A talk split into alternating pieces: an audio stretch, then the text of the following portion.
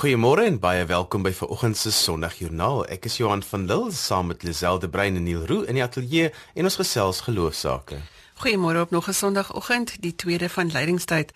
Ons hou jou geselskap vir die volgende 40 minute, so trek nader jou drink goed want ons program is propvol geloofstories. Ons gesels vanoggend met Dominee Wynand Breitenberg en Dominee Johan Els oor kerkplanting. Chris Valentine deel sy getuienis met ons en evangelis Edward Ackerman van Light for Life vertel van hulle werk in Steenberg.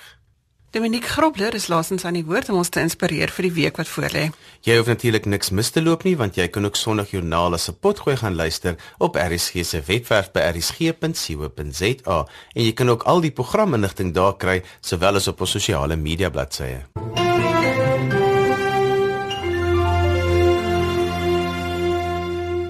Hier by ons in die ateljee is Dominee Johan Els en Dominee Wynand Breitenberg en hulle is albei van die Bergse gemeente in Durbanville. En ons gesels vanoggend oor kerkplanting en hoekom dit nodig is. Goeiemôre Johan. Goeiemôre. Môre Wynand. Goeiemôre. Kom ons begin met die projek waarmee jy besig is. Jy begin 'n nuwe gemeente. Johan, hoekom? Weet jy, daar is 'n aanduiding nou dat 400 families per maand glo aftrek uit Gauteng af na die Wes-Kaap toe. En ons sien die effek daarvan ook hier in Durbanville.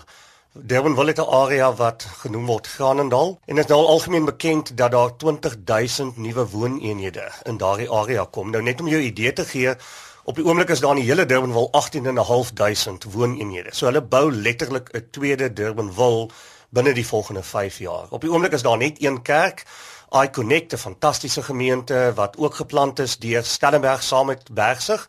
Maar die aard van die saak is daar te min kerke. So dan weet ons by Pinehurst kom daar 200 000 nuwe inwoners binne die volgende 5 jaar en dan aan die ander kant van Durbanville word Klare Anderfontein ook ontwikkel. Ons is regtig bevoorreg om 'n erf te kon kry by die ontwikkelaar. Daar was al sprake in 2012 en my kollega Dominee Philip Skolts was voorganger gewees om daai gesprek aan die gang te kry. Ons is diep dankbaar daarvoor. So ons het 'n erf in die middel van die nuwe ontwikkeling en daarom is ons baie baie opgewonde om in 'n kerkplantingsproses betrokke te raak.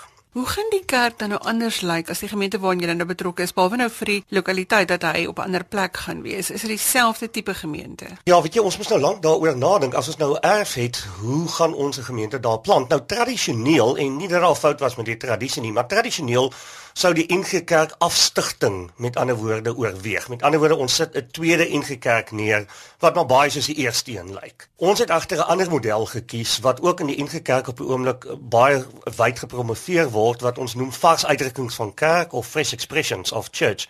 Die rede kom ons die vars uitdrukking van kerk model kies en nie afstigting nie is omdat ons het reeds 'n Durbanville, ons het hele Durbanville bergsig wat ons dink die genade relatief goed funksioneer. Maar dit is wat ons noem 'n hoofstroom kerk wat 'n bepaalde kultuur het, wat 'n bepaalde manier het van doen. En ouens wat in Durban wil intrek wat daardie voorkeur het is natuurlik meer as welkom om by ons aan te sluit. Maar ons dink daar's heelwat mense wat dalk net nooit sal of kerk toe gaan nie of net nooit in 'n NG Kerk uh, sal sy voete insit nie as gevolg van verskeie redes. So ons wil graag iets nuuts doen. Ons wil graag iets anders doen. Ons wil graag so 'n vars uitdrukking van kerk gaan kyk baie spesifiek na wat is die behoefte van daardie gemeenskap? Waar kom die mense in daai gemeenskap reeds bymekaar en hoe kan ons hulle op daardie plek ontmoet? So die idee is nie om ouens in te nooi na ons kerk toe nie, maar om te gaan kyk waar is die Here reeds aan die werk in die gemeenskap en dan eerder daar te gaan aansluit en om dan 'n geloofsgemeenskap daar te help uh, begin uh, om ouens regtig te ontmoet op die plek waar hulle is. Wynand, hy het nou gepraat van hoe die nuwe gemeente kan lyk soos die vars uitdrukkingskerk waarna hy verwys het. Hoe gaan so 'n kerk lyk? Ja, wel Johan het nou gesê dit is eh, 'n uh, kerk wat geplant word vir mense wat reeds daar is en vir mense wat passies het wat hulle het. So people and passions is al die kernwoorde waarop ons gaan en dan moet mense mooi gaan kyk na hoe lyk jou konteks en watse tipe kerk gaan hulle by aanklank vind. Nou die die probleem by sulke kerke is dat wanneer mens uh, so 'n kerk probeer in 'n pakkie sit vir mense, dan is die gevaar daar dat mense die waarheid van kerk ook verloor. So ons gaan kyk regtig, ons doen navorsing daaroor. Ons gaan kyk nou wat is die beste manier waar ons kan aansluit by die Missio Dei, die die missie van God wat reeds daar gaan kom. Daar is 'n toekomstige gemeenskap wat daar is wat nog moet uitbars uit sy nate uit en ons ons reis tog van hier af tot daar toe is om te kyk wat is ons rol in dit. Nou dit kan beteken dat ons daarso 'n kerk plant wat net 'n koffie shop is of dit kan beteken dat ons daarso net 'n 'n 'n spasie het waar jong mense kan bymekaar kom of waar net as dit net ouer mense, wyser mense is wat daar bly dat ons dit doen. So ons gaan kyk regtig na na wat is die behoeftes van die gemeenskap en skakel op so 'n manier in by hulle. Hoe dink julle oor die verbruikerskultuur wat op die oomblik baie sterk figureer? Ja, ek dink dit is 'n uitstekende vraag. Ehm um, ek dink natuurlik met met kerk is daar altyd ook die gevaar van verbruikerskultuur. Ek dink ons praat van verskoon die Engelse woord, maar ons praat van 'n attractional model of church. Baie keer kan dit ook 'n vorm wees van verbruikersmentaliteit. Met ander woorde, as jy die beste moontlike kerk met die beste moontlike geestelike produkte daar neersit, dan sal die mense kom. Eintlik maar soos 'n tegevallei of dat jy die beste produk lewer Terwyl ons uiteindelik glo en dis regtig wat die kerk glo is dat alhoewel ons streef na uitnemendheid in die kerk, glo ons uiteindelik dat wat mense regtig vry maak is kontak met God, is 'n verhouding met Jesus, is die woord, die Bybel. So ons wil eintlik eh, terwyl ons 'n vars uitdrukking van kerk plant, wil ons eintlik graag mense voorstel aan 'n God wat ons regtig glo jou kan vervul So om daai goed in balans te hou, om uitnemendheid te hê, om met ander woorde mense te ontmoet daar waar hulle is en maar te gelykertyd die waarheid van die evangelie te bou, is ek dink waar die balans en die onderskeiding um, inkom. Ek dink net rondom verbruikerskultuur, ons lewe in 'n kultuur wat sê hulle sê mos die sekulêre triniteit is wat jy ry, waar jy bly en wat jy kry. En mense dink baie keer dat hulle waarde en hulle aanvaarding en hulle sukses hang af van mense en dinge. So as ek die regte werk kry, as ek die regte vrou kry, as ek die regte geld het, as ek die regte graad het, as ek genoeg bankrekening het, as ek drie eiendomme het, dan sal ek oukei okay wees. En ons koppel baie keer ons manier van dink en ons waarde aan hierdie goed. Nou ons glo dat die woord sê jy kan nie jou waarde, jou aanvaarding en jou toereikendheid in mense of in dinge kry nie. Dit is uiteindelik net in God te vind. En daarom is die identiteit in Christus om te weet wie jy is in Christus is vir ons geweldig belangrik. So ons dink dat die die grootste teenvoeter tot 'n verbruikerskultuur is die identiteit in Christus, sodat ons nie meer nodig het om as ek net 5 kg kan verloor, sal ek goed voel oor myself. Nou ek dink as jy oorgewig is, verloor jy 5 kg, maar op 'n einde van die dag as jy jou manier en jou identiteit koppel daaraan, dan dink ons mag jy dalk in die moeilikheid wees. So om ouens eintlik te laat help ontdek en ons leer self ook in die proses, niemand van ons arriveer gebeur nie, maar dat die uh, verbruikerskultuur ons iets beloof wat dit nie kan gee nie. En dit kan uiteindelik net in Christus gevind word. Wanneer hierdie verbruikerskultuur wat veroorsaak dat mense miskien van kerk na kerk na kerk gaan om te kyk waar kry hulle iets wat vir hulle pas. Is dit noodwendig verkeerd of of dink jy hulle gaan tog by die boodskap uitkom deur 'n bietjie te gaan ondersoek instel wat gebeur waar? Mm, baie baie goeie vraag. Ek dink ons sien dit al op in ons studententye waar, waar ons maar van kerk tot kerk gaan. Maar weet jy, ehm um, Johan het dit nou genoem. Hy het gepraat van die kunsmatige hoop wat geskep word deur die verbruikerskultuur. Met ander woorde, as ek hierdie kar ry, gaan ek so voel. En as ek hierdie tipe klere het, dan gaan ek hierdie tipe populariteit hê. En wanneer ons dink oor kerklidmaatskap, dan voel dit vir my dat ons eers iets begin vergeet het van wat dit beteken om eers geplant te wees. So, jy moet gaan regtig gaan diep vra, waar wil God my hê? En dan moet jy daar geplant wees. As jy gaan wag vir die perfekte kerk, dan gaan jy lank wag. Die kerk is juist die plek wat geplant is vir vir sy nuwe lidmate nie. Dis die enigste instansie in die wêreld wat geskep is vir sy nuwe lidmate nie. En op so 'n manier moet ons regtig waar mense help en rigting gee. So ons as kerke wat glo ons is gevestig in 'n gereformeerde tradisie, moet vir mense kan sê, weet jy, gaan besoek hierdie kerk en ek stuur jou daartoe as jou spiritualiteit meer inpas by so 'n tipe kerk gaan gerus daartoe. Maar weet dat jy as 'n disipel van Jesus Christus moet regtig waar selfkrities kan wees en sê, weet jy, wat hier aangaan is kunsmatige hoop en ek gaan myself liewer hier onttrek en elders anders gaan plant. Want daai kunsmatige hoop kan seermaak en dit dit dit skeer jong mense uitmekaar uit. Ek dink die kort samevatting is plant jou wortels en blom waar jy geplant is. Mm, absoluut. Sou julle daarmee saamstem? Ja, absoluut ook en ek dink ek stem saam met Wynand dat 'n mens kan 'n paar kerke besoek om te gaan kyk watter kerk vind jy by aanklank. Ek dink dit is heeltemal reg om dit so te doen, maar dan op op 'n stadium moet jy by daai kerk aansluit en jy moet uiteindelik 'n lidmaat word wat deel vorm van die span. Ek dink baie keer vergeet ons dat ons eintlik aansluit by die kerk nie net vir dit wat ons kry nie, maar vir dit wat ons kan gee om uiteindelik God se groot opdrag in die wêreld uit te dra. So 'n shop kerk, dis oukei, okay, maar op 'n stadium hou op met shop en dan sluit aan by 'n gemeente en raak deel van die span. Dankie Johan, dankie Wynand dat jy vanoggend so 'n stukkie van julle lewe wêreld met ons gedeel het. Baie dankie. Baie dankie vir die voorreg. Ons het gesels met Dominee Johan Els en Dominee Wynand Breitenberg oor die fokus op 'n vars uitdrukking van die kerk. As jy sopas ingeskakel het, sê ons goeiemôre. Die program is Sondagjoernaal saam met Johan Lisel en Neil. Gaan maak gerus 'n draai op RSG se webblad by rsg.co.za vir inligting oor vandag se gaste en onderwerpe. Die inligting is ook op ons Facebook bladsy saam met fotos en ander interessanthede. Jy kan ook vir ons SMS by 45770 teen natuurlik R1.50 per SMS. Chris Valentine is van Makassar en ons gesels vanoggend met hom oor sy geloofspad. Goeiemôre Chris. Goeiemôre. Chris, hoe het jou lewe gelyk voor jy besluit het om jou lewe te verander? Ek het 'n gebroke lewe gehad. Um voor ek verander het. Vader is oorlede wat ek 7 maande oud is en my moeder wat ek 14 jaar oud is. En dat het gemaak dat ek 'n besluit geneem het dat ek aan die gangsterisme betrokke geraak het omdat daar was iets wat verlore leemte wat in my lewe was en dit het gemaak dat ek opgeëindig het in die Young American Gangsters in Makassar en so het dit gemaak dat ek um, in kom bende geweld betrokke geword het en op die ouderdom van 14, 15 as ek my eerste maal gevangenes toe en so het dit gegaan in en uit gevangenes toe tot op met die ouderdom van 23 jaar oud. Ek was nou 9 jaar terug was ek nog nog laaste in die gevangenis en ek het altyd gewonder wat in my lewe aan die gang is. Ek het nooit geweet dat uh wat wat met my wat met my gebeur is is, is 'n vloek wat oor my lewe rus. Want ek het altyd gewonder wat wat is aan die gang as ek gedoen kom met mense miskien iets aan my gedoen dat ek kan ophou en kom is nou al van 'n jong ouderdom wat ek gevangenes toe gegaan het en dit het nie opgehou nie en op die ouderdom van 23 raak ek betrokke aan die 28 bende strong bendes in die gevangenis.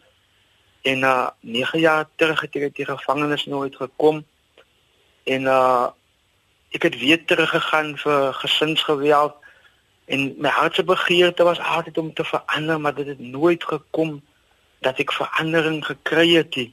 en 9 jaar terug is ek weer gevangenis toe en ek het daar binne gelê ek moes 15 jaar gevangenisstraf gekry het en ek moes nou al 9 jaar binne in die 15 jaar gewees het maar dit het toe nie so gebeur ek moes die oggend wat ek by die hof kom toe uh, kom die dame wat vandag my vrou is sy kom toe en sy kom trek die saak weer terug want ek het 5 keer het ek dieselfde saak geoortree by die hof en hulle was bereid om vir my toe 15 jaar gevangenisstraf te gee en basically dat het dit nie gegee nie want die saak was teruggetrek maar wat ek uit die gevangenis het kom het ek weer voortgegaan. Ek het begin aan buitekant bly. Niemand het be, um, meer omgegee vir my nie. Ek het ge, gelyk soos eene wat aan die straat slaap is. My, my liggaam het al begin stink. My voete was al smetterig in my skoene het ek basically het ek gevoel as as niks meer hoop vir my in die lewe nie.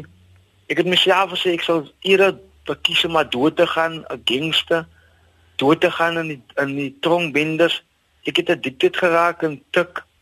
Ek het wat Mendrix geuse. Ek het dagga gerook.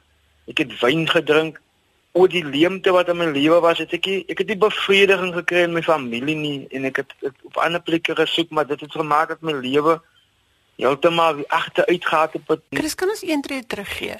Jy sê jy het jou pa verloor op 'n baie jong ouderdom van 7 maande en toe jou ma weet agter jou gekyk toe jou ma oorlede is toe jy 14 jaar oud was.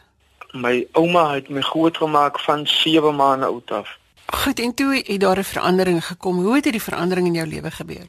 Dit is nou 9 jaar terug. Ek het was daar by die punt om myself te vermoor, hoekom ek het gevoel nie man gee meer om en familie soos dit daar nie, my susters ging nie om nie. En ek het een oggend gelê um, op straat en myself gevra waar gaan my hulp vanaand af kom vir nog so 'n deter aan Tukstro. En 'n jong man kom my pad langs en 'n uh, jong man vra my of ek sy ma gesien het, nie. maar ek ken nie die jong man se ma nie. En ek sê hom luister ons het kyk by Sopuit en ons gaan kyk toe by Sopuit in Makassa en ons kom toe daar en die jong man kry sy ma en sy ma uh, gee hom toe 'n date aan en ek is excited want ons gaan nou weer tik by brood. En ek het 3 dae nog nie geëet nie, 3 dae nog nie geslaap nie. En hier is ek weer op pad om 'n tik by te gaan op 'n ander persoon wat ek met Mendrix gebuit het kom my pad langs en ek vra hom of hy nie vir my 'n 2 rand het nie. En hy gee my 'n 2 rand en ek dink dan ek moet nou nog 'n 20 uitdrein vir nog 'n date aan stro En die man begin saam met te praat oor die Here. En ek sê myself, maar Jana, ek het mos nou nie gekom en gevra toe hier na Zaidam en my moet praat oor die Here nie. Ek het nie nou tyd vir dit nie. En maar die persoon praat saam met my soos ene wat nou kennis daar waar dit nou presies nou op die oomblik gaan. En terwyl hy met my praat, begin my trane te loop en ek voel, maar ek kan nie meer, ek kan nie meer, maar ek sal dit nie maak nou meer nie. Want ek is nou moedeloos en hy vertel my sê my luister, dat die gees van die Here wil hê dat jy moet vir jou bekeer. Gewoonlik aan 'n tye, daar toe ek weg en die stemmetjie sê vir my dat wat gaan jou 28 broers se dink as jy jou gaan bekeer? En die ander stem sê my maar, luister, gaan saam met die man en eventually gaan ek en die jong man saam met die man en die man lei vir ons na die Here toe sonder dat ek bewus is hy lei my na die Here toe. En ek het die blyplekkie en is soos uitstap uit hierdie kerk uit sê die stem van my sê vir die man dat dit die blyplekkie en as jy nou hier uitgaan by die kerk, gaan jy nou 'n tikpyp gaan jy nou rook en wat baat dit jy ons gelei na die Here toe dan is dit alste vergeefs as jy nou uitgaan as dit dieselfde. En so kom dit dat hulle vir my blyplek bly gee nie in die kerk en daarvan af as ek nog steeds by die Here. Hoe het dit jou lewe verander Chris die besluit wat jy gemaak het? Wow as ek baie keer stil sit dan dink ek nog steeds jy wat ek het geweet daar's 'n God wat ek nog nie die Here geken het nie. Ek het altyd geweet daar's 'n God maar ek het nooit geweet dat die God lewe werklik. Ek weet in my verlede het ek alles verloor. Die huis wat ek in groot geword het, my ouers, my ouma wat ek hier respek voor gehad het, die, alles is in myself, selfrespek, alles het ek verloor. En hier kom ontmoet ek nou die Here. En alles wat ek verloor het in my lewensloopbaan wat ek nie die Here geken het nie. Hy het dit vir my dubbelmatig teruggegee. Kyk soos vandag, ek is vandag getroud. My troue was verniet. Ek het vandag my eie huis. Ek was gebless met die geld vir my huis. Ek het vandag 'n goeie werk waar ek dink baie basically waar ek nooit anders het sou ingekom het aangesien ek die klomp tetoeëer meer op my liggaam het. Maar ek het gekom sien dat die God is hy lewe ja. Ek weet ek was so kort in my in, in my in my bekering daar en ek gaan toe by my meisie wat vandag my vrou is. En ek sê vir haar luister ek is honger. Ek het geweet ek is bekeer maar ek het nog nie geglo dat die Here lewe nie. En weet jy sê sy sê vir my daai oggend maar sy het nog nooit geëet en ek kyk my my dogtertjies so daai dag en ek voel so met een so sleg want ek besef toe alles dit wat nou oor haar gekom het het ek veroorsaak en ek sit moedeloos buitekant die woon die Wendy's waar ons eers gebly het. En 'n motor kom stop so na 'n paar uur voor my. En uit die motor klim 'n persoon en hy sê vir my brother. En hy roep my ek weet nie hoe die man geweet ek is 'n brother ek is bekeer en die man gee my twee braaiborde. Hy sê my dit is blessings van God. En nie wie daai dag besef ek die God lewe reg want hoe het die man geweet dat ek en my meisie het nog nooit geëet vir die daggie en hy bless ons met man man 'n bord kos. Chris baie dankie dat jy vanoggend jou storie met ons gedeel het. Dis aangrypend.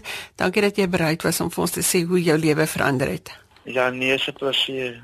Dit was Chris Valentine se geloofstorie. Ons gesels geloofsaake tot so kort voor 8uur wanneer ons oorgie aan Jermaine Hansen, maar eers gesels Gilma met evangelis Edward Ackermann. Dis altyd my voorreg om so in die gemeenskap hier in die Kaap te gaan kuier. En dan ontmoet mens besonderse mense en organisasies. En vandag stel ek aan julle bekend Evangelis Edward Ackerman van Light Life Ministries. Dis heerlik om u in die program te hê. Baie welkom. Dit is 'n eer om vanmôre saam met RSG te wees. Edward Light Life Ministries is 'n organisasie wat gebore is uit 'n roeping wat die Here op jou hart gelê het, nie waar nie? Ja, dis tog so waar. Die Here het 'n besonderse manier hoe hy met my gewerk het. Ek het 'n magtige getuienis waardeur ek gegaan het in die verlede. Ek spende drug addict en deur my getuienis toe twee vuurwapens lieg geskiet was op my het ek uitgeroep op Jesus se naam en 'n helder ligstraal het op my geskyn daardie oomblik en vir 'n oomblik het ek Jesus in hierdie ligstraal gesien nie selfs fisies hom nie maar wel sy hande en die hande merke in sy hande en in sy voete met 'n belofte hy sal my nooit begewe of verlaat nie. En net kortliks uh terwyl uh, hierdie vuurwapen vlieg geskiet was op my het die lig my verlaat en ek was regtig in pyn en ek moes toe by die naaste woning inkruip vir hulp en toe hulle die ambulans manne skakel toe hulle by my uitkom het ek al te veel bloed verloor en so voort. En hulle het eintlik hoop opgegee op my. En um, wat gebeur het toe ek by die hospitaal aankom en die dokters my ondersoek kon hulle nie eintlik 'n teken vind van lewe nie. En hulle het my as te ware afgeskryf en my mamma die boodskap gegee dat geen hoop vir my nie maar toe hulle my gereed kry na die lijkhuis het God my weer lewe geskenk. So dit is waar God vir my hierdie bediening gegee het, lig lewe, maar ons noem hom light life en letterlik het ons op die strate begin met ons uh, evangelies diens van die Here het waarlik vir my baie diep kom uithaal en waar ek hom ontmoet het as my persoonlike saligmaker, my redder, my verlosser en dis het hy 'n besonderse mandaat op my hart gelê om uit te gaan met hierdie getuienis in die wêreld, die goeie nuus te vertel dat Jesus Christus is 'n werklikheid. Met so 'n kragtige getuienis weet mens dat jy weet dat daar 'n roeping is op jou lewe. En een van die mooi dinge is dat Light Life Ministries ook daarvan hou om te netwerk. Want daar gebeur dinge wanneer mense so oor kerkgrense heen hande vat en saamwerk om gemeenskappe te help nie waar nie. Natuurlik, ja, die woord van die Here sê natuurlik dat twee vaar beter as een en Light Life is passievol vir verlore siele en ook selfs daar om die lokale kerk van die die Here Jesus Christus stoeter is so voor ons uitgaan in 'n in 'n sekere area hier op die Weskaap en natuurlik bid ons en ons vra God se leiding en dan ons eerste stap is omdat ons die samewerking nodig het van die verskillende denominasies en kerke uh, gee ons 'n uitnodiging aan al die leiers in die betrokke area waar ons gaan werk. Ons nooi vir hulle na 'n 'n breakfast vision waar ons ons hart deel en en die visie deel om in te kom en om siele te bereik vir die koninkryk, maar ons het 'n kerk nodig sodat die siele by die kerk kan gefilter word waar hulle ook verder sal groei en en dit is vir ons belangrik dat ons die samewerking van die lokale lo kerke in die gemeenskap se samewerking kry en um vanaf 2011 wat Light Life uh, Ministries ontstaan het, het die Here vir ons hierdie visie gegee om te werk met met die algemene kerke in in gebiede en en ek moet sê dat ons het goeie getuienis waarvan leiers van kerke hulle die nominasies een kan sit en hulle sê kom ons gryp aan hierdie visie en ons ons ondersteun uh, hierdie visie en so kom kom hulle almal saam om saam te werk in God se koninkryk. En die wonderlike van dit is dat 'n mens fisies sien dat daar dinge gebeur en veranderings gebeur en ek het die voorreg gehad om vir hierdie jaar spesifiek op Kersdag dit mee te kon maak in Steenberg het julle daar tussen die twee verskillende faksies het julle 'n blou streep tent opgeslaan en vir 'n week het God ingegryp daar. Ons kan net God alle eer gee. Alle eer en lof kom hom toe. Ja, natuurlik was die Steenberg area in in in hierdie Kerstyd was hy 'n bietjie oproerig, daar's bende geweld, daar is die skietery. Ehm um, gelukkig was dit oor die oor die feestyd, so die skole was toe, maar gewoonlik is dit groot uitdagings vir ons mense hier op die Weskaap as daar as as die skole anders en daar's bende geweld in die gebied en dit is waar die Here vir ons saamgebring het met 'n lokale kerk uh, daar in Steenberg waar ons uh hierdie uitreiking gehad het oor die feestyd en um wat ons eerstens gedoen het ons het 'n bietjie in die area gaan beweeg en gaan bid en bietjie mense uh benader en hulle bietjie die evangelie van Jesus Christus met hulle gedeel en vir hulle self voorberei dat ons uh evangelie steen kom opsit in Steenberg en ja ons het weggespring mense was baie excited mense het opgekom met verwagting met brandende harte het hulle gekom om te kom luister elke aand daar die evangelies boodskap. En wat so fenomenaal was is dat in daardie tydperk was daar 'n ander atmosfeer in die gebied. Die bende geweld het het net begin te stop daar was geen skietery nie. 'n 'n moeders kon getuig dat hulle kan weer slaap, rustig slaap met vrede en slaap is tog so belangrik van as 'n mens se liggaam nie uh, rus kry nie, dan gaan dit maar 'n bietjie moeilik en en en dit was vir ons so fenomenaal dat daar was net vrede in die gebied en selfs ek persoonlik het met 'n paar jong manne gedeel wat ook bendes was en en daar is van hulle wat ook hierdie besluit gemaak het om Jesus Christus 'n kans te gee in hulle lewe en dit kom net God toe alle eer kom hom toe. Dit is 'n baie beskeie antwoord wat jy gee vir iets wat baie baie sterk en nog steeds werk in daardie omgewing waar die Here regtig mense se harte permanent kom verander het en Ek wil vir julle baie dankie sê, Evangelis, dat u met my gesels het vanoggend dat u sulke wonderlike werk in die vlakte doen, dat u saamwerk met mense, dat die Here u opgetel het op 'n plek wat wat geweldig diep was en en u ken die harte van ons mense, ook van bendelid wees. Ek moet dankie sê ook vir RSG vir vanmôre vir hierdie geleentheid om net ons wêreld bekend te maak en ook selfs ons kerkleiers bekend te maak dat daar is organisasies met brandende harte en passie vir die werk van die Here wat besonder geroep is vir hierdie mandaat met hierdie mandaat om uit te reik in hierdie plekke waar bende geweld op sy hoogste vlak is waar die drakprobleme is. En ons het soveel mooi getuienis. Ons het een getuienis gehad wat een van die drak uh, leiers en bendes hy het net kom uitkneel en hy het altans vir my gesmeek vir vergifnis en ek het hom gesê nee hy hoef nie vir my vergifnis te vra nie en hy het net gesê hy kan nie meer sien dat hy dwelms aan kinders verkoop en hy maak kinders selfs groot en hy wil vandag sy hart toewy aan die Here en in trane het hy hom toegewy aan die Here en die vrede gevind van die Here Jesus Christus. Dankie Gilma, sy het gesels met evangelis Edward Ackermann.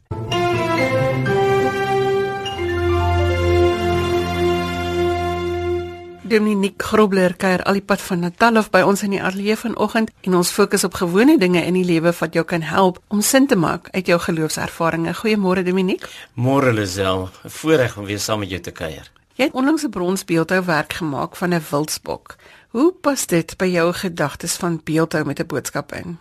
Ja, miskien moet ek net eers sê dat beelde met 'n boodskap is die gedagte dat ek deur middel van my beeldhouwerke ook die positiewe evangelie uitdra na mense toe in hulle kantore, in hulle spreekkamers, in hulle huise. En dit is 'n goeie vraag, hoe pas 'n bok in by hierdie hele gedagte? Wel, dis nie sommer so 'n bok nie. Hierdie is 'n Zuri, die Inyala bok wat uh, vir 'n baie hoë prys verkoop het.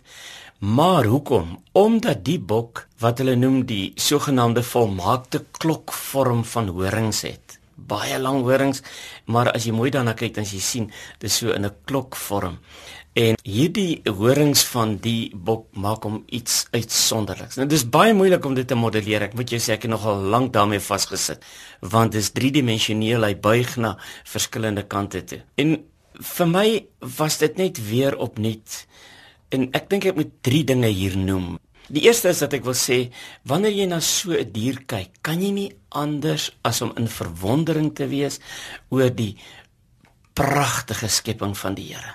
Weet jy, daai bok het my net weer laat besef, jy weet, die Here het 'n verskeidenheid in die natuur gemaak. En so is die handewerk van die Here. Dit is eenvoudig wonderbaarlik om dit te aanskou vir my as iemand wat beeldhou doen. Ek sê ook keer verstom, jy weet oor die die skepinge van die Here. Maar die tweede ding wat ek wil noem is dat 'n uh, wildsbok het vir my besondere betekenis want by geleentheid het ons saam met ons gemeentelede 'n staptoer onderneem. En terwyl ons so stap daar in Mpumalanga, 'n boot in die berg. Toe sien ek ver onder in die vallei is daar 'n bok wat heen en weer hardloop. En ek sê toe vir Maritjie my vrou, "Jong, ek dink dis 'n blesbok daai wat in 'n struik gevang is. 'n Bok sal nie so heen en weer hardloop op dieselfde plek nie." En ons gaan toe af, ons gaan kyk toe toe is dit so. Gelukkig het iemand anders bygekom, maar toe bekruip ons as ware daai bok en gryp hom aan sy horings. Nou dis 'n baie gevaarlike ding wat ons gedoen het. Ek sal dit nie aanbeveel nie ek het toe een horing vasgehou en hy het toe 'n ander horing vasgehou en ons het hierdie blou draad stryk wat om die bok se nek was losgemaak en Lisel ek wil dit vir jou sê ek het nog nooit in my lewe die betekenis van bokspring en vryheid so ervaar soos daardie oomblik. Weet jy toe hierdie draad los is van daai boks se nek, moes jy gesien het. Hy het in die lug ingespring. Dit is asof hy sulke wye draaie gehardloop het en gejubel en gejuig het oor die bevryding wat hy beleef het. En die gedagte kom toe by my op. Is dit nie 'n wonderlike beeld van die bevryding wat Jesus Christus vir ons gebring het. Daai juk wat so op jou druk, daai sonde of daai ding waaraan jy verslaaf is, as daai draad om jou nek verwyder word en jy vry is. En dit is wat Jesus ook gesê het, ek het gekom sodat jy vry kan wees. En ons kan daai vryheid beleef deur ons skuld te bely en vergifnis te ervaar en dan kan ons ook as ware bok spring van blydskap oor die bevryding wat die Here vir ons gebring. Is daar skrifgedeeltes oor 'n wildsbok wat jy vir ons kan uitlig wat vir jou baie beteken het om juis nou byvoorbeeld vir ons byvoorbeeld ook geloofsversterkend te wees? Ja, verseker. Ek dink altyd aan uh, Psalm 42 vers 2, daai bekende gedeelte waaroor baie liedere ook al geskryf is, soos 'n wildsbok smag na waterstrome so smag ek na u o God, na die lewende God. Hierin is Dawid vir ons regtig 'n voorbeeld wanneer hy in diepe vertwyfeling is. Die hele Psalm handel eintlik daaroor dat hy dan weet dat's vir my net een oplossing, dat's vir my net een toevlug en dit is dat hy na die Here toe gaan. Hy sal my gebed verhoor. Hy sal my in hierdie benarde omstandighede nou help en daarom neem ek my toevlug na die lewende God. Die ander skrifgedeelte wat oor 'n wildsbok was vir my baie beteken is die ene uit Habakuk 3 vers 19. Oor die teks is daar ook liedjies geskrywe en uh, dit gaan oor daardie wonderlike woord wat sê die Here maak my voete soos die van 'n ribbok. En ons weet dat hulle kan op baie styl kranse vlugtig beweeg. En die hele beeld daar agter gryp my elke keer in die hart want dit gaan om die feit dat daardie bok nie val nie op daai glibberige, gevaarlike plekke beskerm die Here die bok. En ek kan nie vir jou sê hoeveel keer dit al vir my geweldig baie beteken dat ek kan sê Here, dankie, my vertroue is in U. En op daai glibberige, gevaarlike plekke is U in beheer en en my lewe is veilig by U. Jy praat nou van die detail wanneer mens nou 'n kunswerk doen, wanneer jy daarna kyk. Met ander woorde, jy kyk eintlik anders na 'n voorwerp of die lewe as jy besig is om hierdie ding te vorm. Hoe belangrik is dit dat ons as gelowiges hierdie klein dingetjies moet raak sien? Ek dink dit is uiters belangrik. Want ons is so geneig om net aan die groot dinge te dink, maar jy weet die Here sê in sy woord dat selfs die hare op ons hoof is getel. Hy sê vir ons kyk maar na die mossies, kyk na die lelies van die veld, hoe dat hy hulle versorg. En dit is so belangrik dat ons die klein dingetjies raak sien want dit help ons om 'n lewe van dankbaarheid te leef. Want in die mate wat jy kan dankie sê vir die klein dingetjies, gaan jy die groter dinge nog meer waardeer. Dankie Dominiek, dankie dat jy by ons ingeloer het om weer vir ons 'n bietjie lig te werp op hoe ons ons geloofservarings moet beleef en dit kan deel. Liselde so voorreg en ek wil graag vir ons luisteraars sê, dink aan iemand wat dalk op die oomblik in die situasie is wat hy voel sy hande gly of sy voete gly en jy het 'n positiewe boodskap om aan daai persoon oor te dra. Dominique Grobler was in gesprek met Lisel. Ons het 'n foto van die bok op ons Facebook bladsy gelaai as jy wil gaan kyk. Ons is aan die einde van vandag se program en ek groet tot later vandag wanneer ek weer agter die mikrofoon inskuif vir ons in die onderwys. Net hierna Jermaine Hansen met die Bybelstorie en dan die agternuus van my Johan van Lille. Totsiens. Jy kan my e-pos met kommentaar of as jy 'n geloostorie met ons wil deel. My e-posadres is lazel@wwmedia.co.za. Dis lazel L E Z E L L E en net twee W's by wwmedia.co.za. Of jy kan vir 'n boodskap stuur deur die webwerf by rsg.co.za. Tot volgende week groet ek namens produksieregisseur Neil Roo. Maak 'n verskil in iemand se lewe, ryk uit en onthou gaan maak iemand se dag makliker. Totsiens.